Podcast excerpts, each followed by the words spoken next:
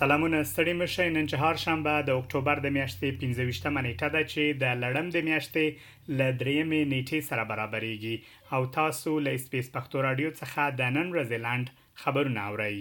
په استرالیا کې د اسرائیل سفیر هغه ادعاوې رد کړې چې ګواکې د غزې په تړانګه کې د اسرائیلي پوځ بمباري له نړیوال بشري قانون څخه سرغړونه ده. په استرالیا کې د اسرائیل سفیر امیر میمون نن دغه خبرې په پریس کلب کې وکړې. د غزې روغتیايي مسؤلین وايي چې د اسراییلو په بمباریو کې شاوخوا پنځه زره کسان وژل شوي.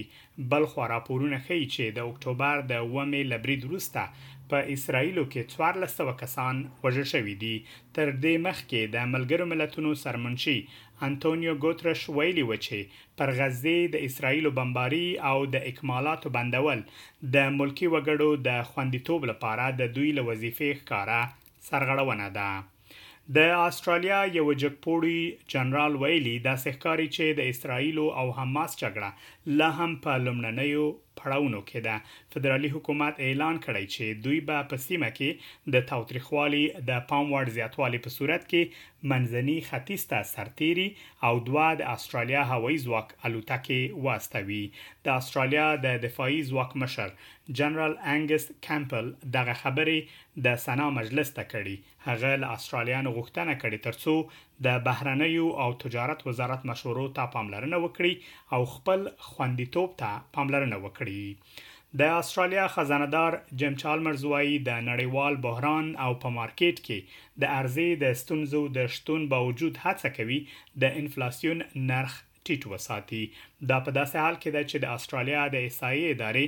نن اعلان وکړ چې تر سپټمبر میاشتې پورې په دریو میاشتو کې د انفلاسیون نرخ یو اعشاریه دوه سلنه لوړ شوی دی. ښاغلی چالمرز وايي، هغه ډاډه دی چې د فدرالي حکومت اقتصادي پلان د بې ثباته نړیوال بازارونو د ناوړه اغېزو مخه نیسي. په کوینزلنډ ایالت کې د اورلګیدنې له امله یو تن وژل شوی دی دا په داسې حال کې ده چې تیر ورځ د سویلي کوینزلنډ له کلیوالو اوسیدونکو څخه غوښتل شوی و ترڅو له سیمې څخه ووزي ځکه چې د دوی ژوند د اورلګیدنې له امله له خطر سره مخ کېدای شي د کوینزلنډ ایالت د اوروژنې او استراري خدماتو ادارې تیر ورځ د تارا او ګوګان اوسیدونکو ته د سمدستي وتلو خبرداري ورکړی و. د دوه زره او درویشت کال د کرکټ نړیوال جام په سیالیو کې تېره شپه سویلي افریقا بنګله دېش ته د یو سل او نهه څلوېښت منډو په توپیر سره ماته ورکړه. د سویلي افریقا او بنګله دېش لوبې وړاندې افغانستان پاکستان ته د اتو ویکټو په توپیر سره ماته ورکړې وه. په همدې حال کې ټاکل شوې تر څو نن شپه د اسټرالیا او هالنډ لوبډلو ترمنځ لوبه ترسره شي دا وه د نن ورځې خبرونه چې ما مجيب منيب تاسو ته وړاندې کړل تر بيا امان الله مل شه.